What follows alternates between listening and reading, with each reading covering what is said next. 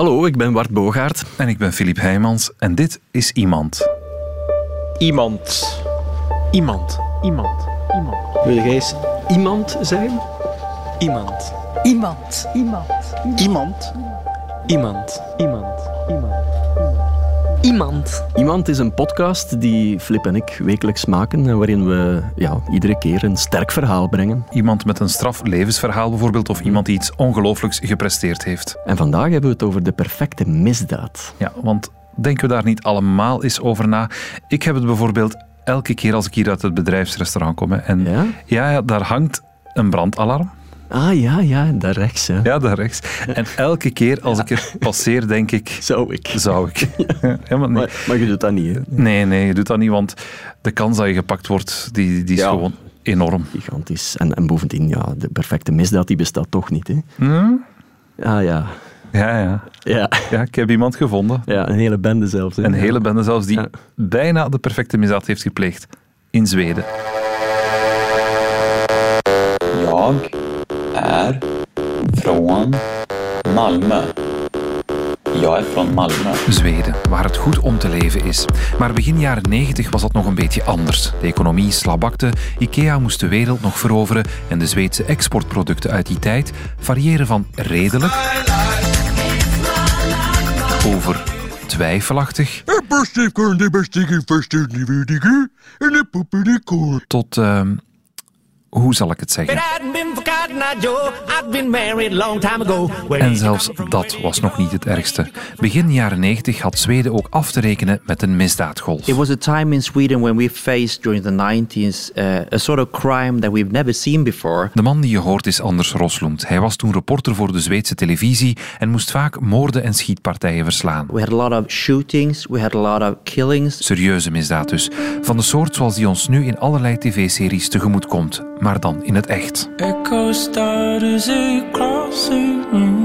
En een van de beruchtste bendes was de zogenaamde Militärligan, de militaire bende. This gang, uh, the military gang, was one of them. Spatial movement which seems to mirror. Resonating a mask of fear. Waarom die zo werd genoemd, leg ik straks nog uit. Nu moet je alleen weten dat de Militärligan een diepe indruk heeft gemaakt in die periode. Je kunt ze niet helemaal vergelijken met de bende van Nijvel bij ons, maar het zit wel ergens in die grote orde.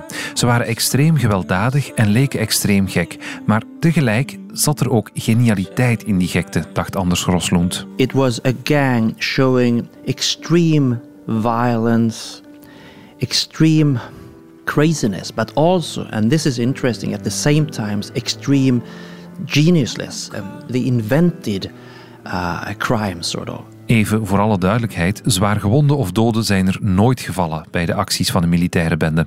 Al is dat natuurlijk relatief, want mensen hebben er wel trauma's aan overgehouden. They made, of course, victims hurt forever inside, but not outside. Misdaad maakt altijd slachtoffers. Onthoud dat als ik wat te enthousiast begin te klinken. Want die militairligan was inderdaad geniaal. In het begin leken ze nog een gewone bende. Ze overvielen een geldtransport, zonder al te veel succes trouwens. Vervolgens overvielen ze een bank waar ze toch al wat buit konden maken. En daarna ging het in stijgende lijn. They started out with single bank robberies. At some point, that wasn't enough, so they went on to a double robberies, two banks at the same place at the same time. Twee banken tegelijk dus. En later nog eentje erbij. They continued to triple robberies, three banks at the same place at the same time. Drie banken die naast elkaar lagen, werden tegelijkertijd overvallen. Door alle samen vier mannen op drie minuten tijd. Because that was sort of the philosophy. If you can do that at the same time during 180 seconds, there is no bigger risk that the police is, is there. Zolang je het maar op 180 seconden kunt doen en je kiest banken die ver genoeg van een politiekantoor liggen, dan heb je tijd genoeg. Zelfs om drie banken tegelijk te overvallen. En als je dan die bank binnenstormt en je toont je daar van je meest gewelddadige kant door onmiddellijk in het rond te schieten, ja, dan krijg je ook snel wat je wil. They sort of used another type of violence. They had a strategy forming so much violence during those 180 seconds, freezing time, so they got their space, that gap between them and reality. And, and uh, so there were more shooting than before, there were more frightened people. En de banken, die stonden machteloos. Geen enkele veiligheidsmaatregel leek te werken. The bank system tried to change their routines of, of how to watch a security wagon or how to watch banks, but they are not security enough. En zo ging het maar door.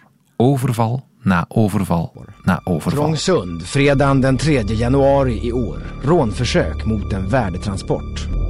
Måndagen den 13 januari, rån mot posten på Svedmyraplan. Fredagen den 13 mars, Het ging dus allemaal zoals gepland. Maar de bende wilde het risico nog verkleinen. En daarvoor gebruikten ze drastische middelen. At one point of this robber series, um, there was a bomb planted at the central station in Stockholm. Op 30 december 1991 kreeg de politie een telefoontje om te zeggen dat er een bom lag in een kluisje in het station van Stockholm. En ook op andere plaatsen zoals de luchthaven. Heel Zweden viel stil. And the whole Sweden is, is stopped, is still. Uh, every train, every bus, since this bomb is sort of in the center of all activity. Bombhotet kom per telefon till polisen vid ett-tiden. Det togs på allvar och på 20 minuter var centralen utrymd. Alleen wist niemand op dat ogenblik dat de militairligan achter die bommelding zat. Ook journalist Anders Roslund niet. I'm there with all them uh, anxiety, scared people really. And, and I'm reporting for the live news uh, and the, the, the evening news.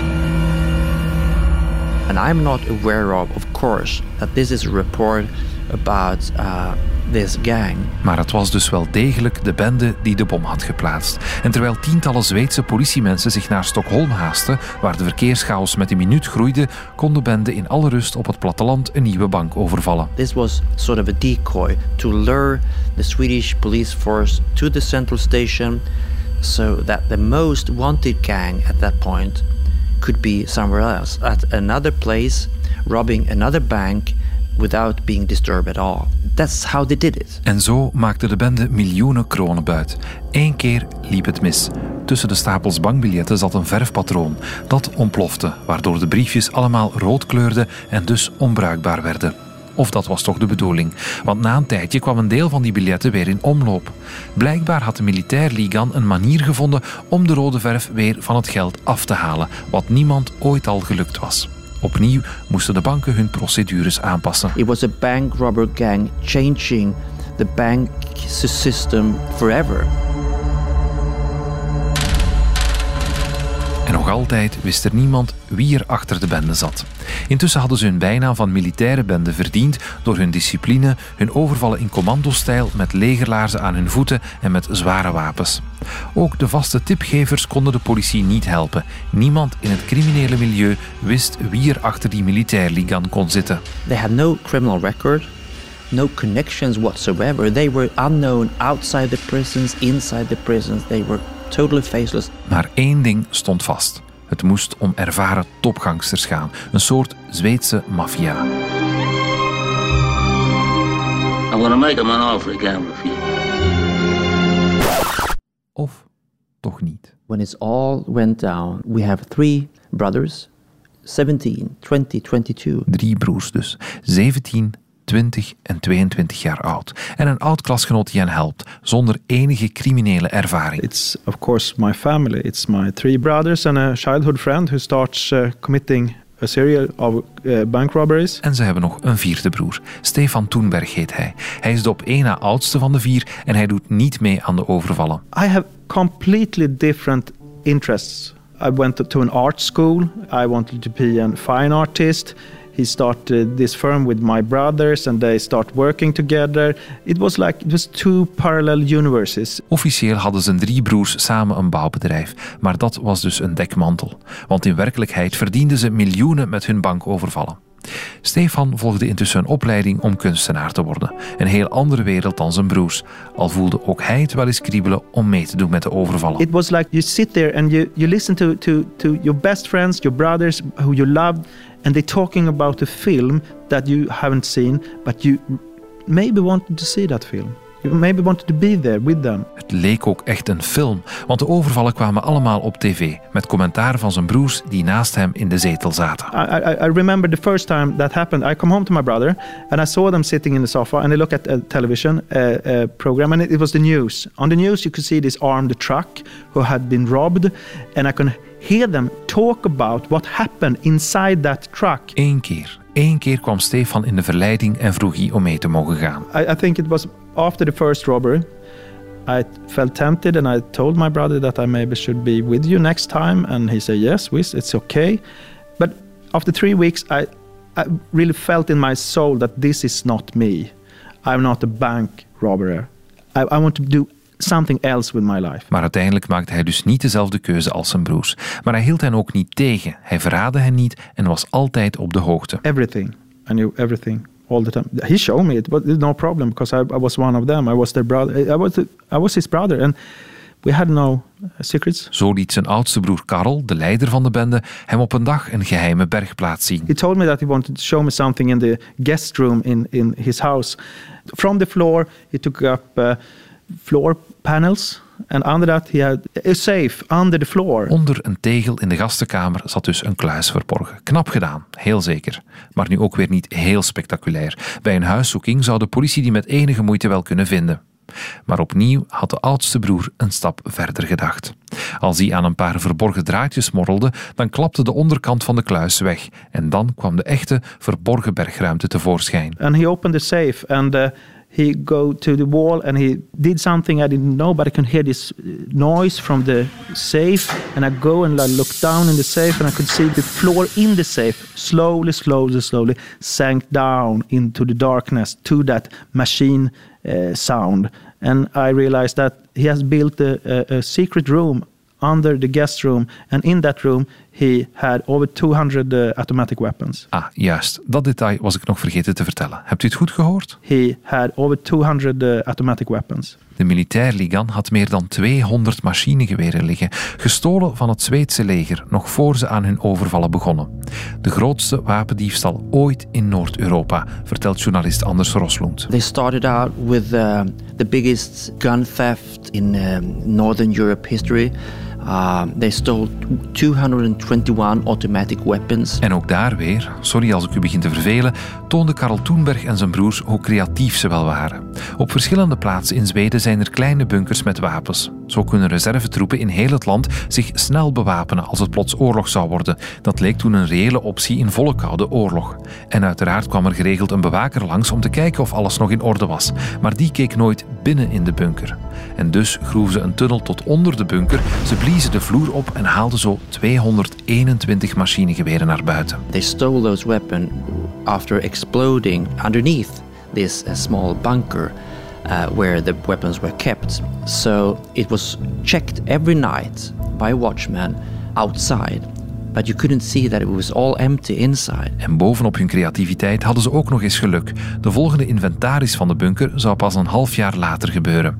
Al die tijd zou dus niemand merken dat de wapens weg waren. At that point, the Swedish police they don't know anything about this, and he knows that it's it will be half a year before they know. Bijkomend voordeel, bij elke overval konden ze andere geweren gebruiken. De ballistische experts van de politie zouden dus nooit hard bewijs hebben dat de overvallen door dezelfde daders gepleegd waren. After every robbery, they used new weapons. They could destroy the old ones. So they were never connected to each other between two robberies.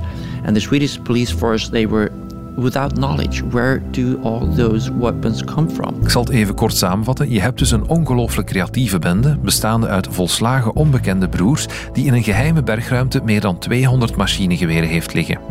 En toch lieten ook zij sporen na.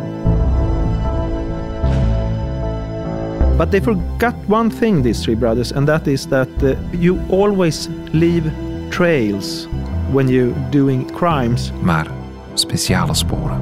Sporen uit hun eigen verleden die hen plots inhaalden. Hun eigen vader met name. Trails that go longer back in the past than to that first bank robbery. Go back to somebody who maybe know them better than, than they know themselves. Their own father. Want die herkende hen wel op de opsporingsbeelden die de politie verspreidde. Ook al had hij zijn zoons jarenlang niet gezien. Hun manier van bewegen, de manier waarop ze zich tegenover elkaar gedroegen tijdens de overvallen, voor een vader hadden ze geen geheimen. Pappa, far, vader. Nochtans hadden ze die vader toen al een tijd niet meer gezien en dat had zijn redenen. Hun vader was een gewelddadige man met een kwade dronk. De man dronk voortdurend vranac, wijn uit zijn vaderland, toen nog Joegoslavië. En als hij gedronken had, dan was er geen huis met hem te houden. Zijn vrouw deelde geregeld in de klappen en ook voor zijn zoons was hij hard. Maar één les hield hij hen wel voor, zegt zoon Stefan. Een familie is een clan. He had this model to raise us to a clan, to four brothers who always, always uh, keep up defending each other against the, the, the world outside. Samen tegen de boze buitenwereld dus. Ook als die buitenwereld erg dichtbij lag. Toen hun moeder op een dag wegliep en terug bij haar ouders ging wonen, gooide een van de zonen een brandbom naar het huis van zijn grootouders, omdat hun vader hem daarvan had overtuigd. De grootouders stonden buiten de klan en wilden hun moeder uit die klan weghalen. Uiteindelijk liepen ze toch met z'n allen weg bij de vader en gingen ze samen met hun moeder op een appartement wonen, waar hun vader nog één keer langskwam om hun moeder te doden, wat mislukte. Daarna zagen ze hem jarenlang niet meer, onder meer omdat hun vader de gevangenis invloog. En Karel, de oudste broer, nam de vaderrol over. My big brother wanted to, to show for himself and for the father that he can handle and, and, and take care of the brothers by himself with no uh, interference from the father. De nog altijd erg jonge broers waren dus op zichzelf aangewezen. En de oudste broer, Karel, was vastbesloten om het beter te doen dan zijn vader. Niet noodzakelijk door op het rechte pad te blijven dus, maar wel door de perfecte misdadiger te worden. En dat is de kern van heel die militairligan, denkt broer Stefan. Een aloud vader-zoon conflict. This is really what this story is about. It, it was about this conflict between three brothers and their father. And especially the oldest brother and this father. En eerst leek het ook te lukken. De militaire bende was onstopbaar en hun vader woonde in zijn eentje als een verbitterde, eenzame alcoholicus. Tot de twee jongere broers genoeg kregen van de overvallen. Ze hadden genoeg verdiend en wilden dat geld gebruiken om te gaan studeren. Karel, de oudste, was het daar niet mee eens. Hij had plannen voor nog één laatste slag, die alle anderen zou overtreffen. Maar in zijn eentje kon hij dat niet. En dus gebeurde het ondenkbare. It was so strange that they have come together and said to each other, okay, let's rob a bank together. Karel klopte aan bij zijn vader, die intussen dus wist dat zijn zonen de militaire bende vormden. Hij had Karel daarom ook opgezocht om te zeggen dat hij het wist, dat hij zijn zonen had herkend op de opsporingsbeelden. En daarom verzoende Karel zich met zijn vader.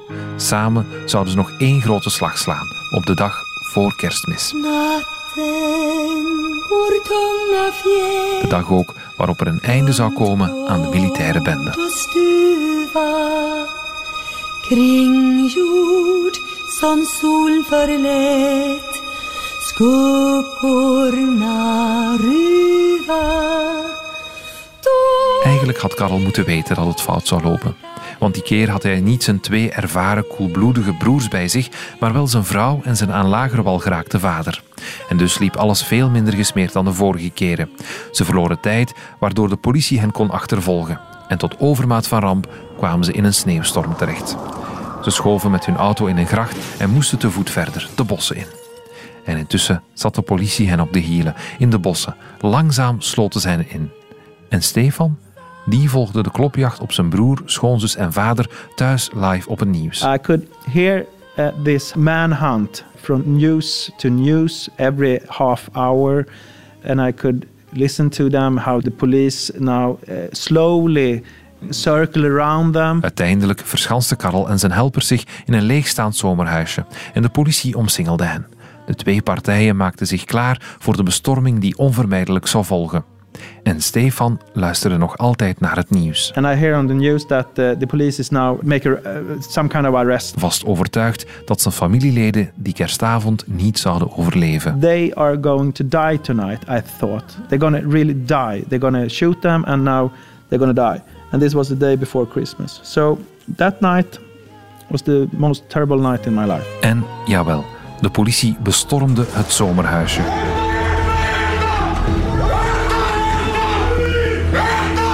Maar doden vielen er niet. Karel en zijn handlangers werden levend gearresteerd en vlogen de gevangenis in. So they get into jail and me and my mother we going to jail after jail and met them and we talk and things like that. And I know that my biggest brother uh, going to be in jail for a long time. Intussen zijn we twintig jaar later en is iedereen weer op vrije voeten.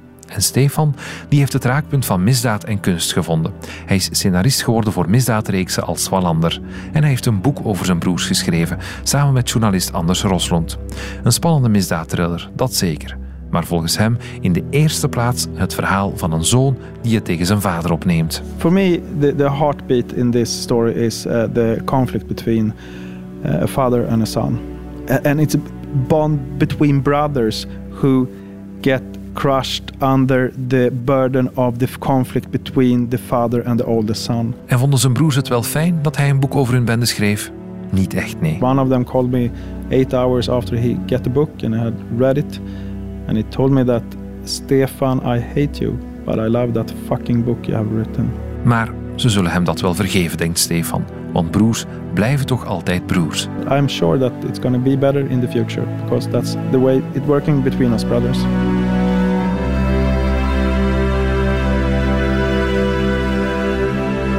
En dat boek van Stefan Toenberg en Anders Roslund, dat heet Made in Sweden. En het is uitgegeven bij De Geus. Dat was de allereerste Iemand, een productie van Radio 1. En die is gemaakt door Floris Dalemans, Wart Bogaert en mezelf, Filip Heijmans. Onze tune hebben we gehaald bij Ansatz der Machine. En volgende week hebben we iemand anders. Ja, hoe zat dat nou weer ineen? En die zei, Rosie, ik moet u eens iets vertellen. Ik zeg, Leentje, ik denk dat ik weet wat dat jij gaat vertellen. In ieder geval, het is tot een moord gekomen. Intussen vind je ons op radio1.be of op de Twitter- of Facebookpagina van Radio 1. Je abonneren kun je via een podcast-app. Verhalen zijn altijd welkom op iemand.radio1.be.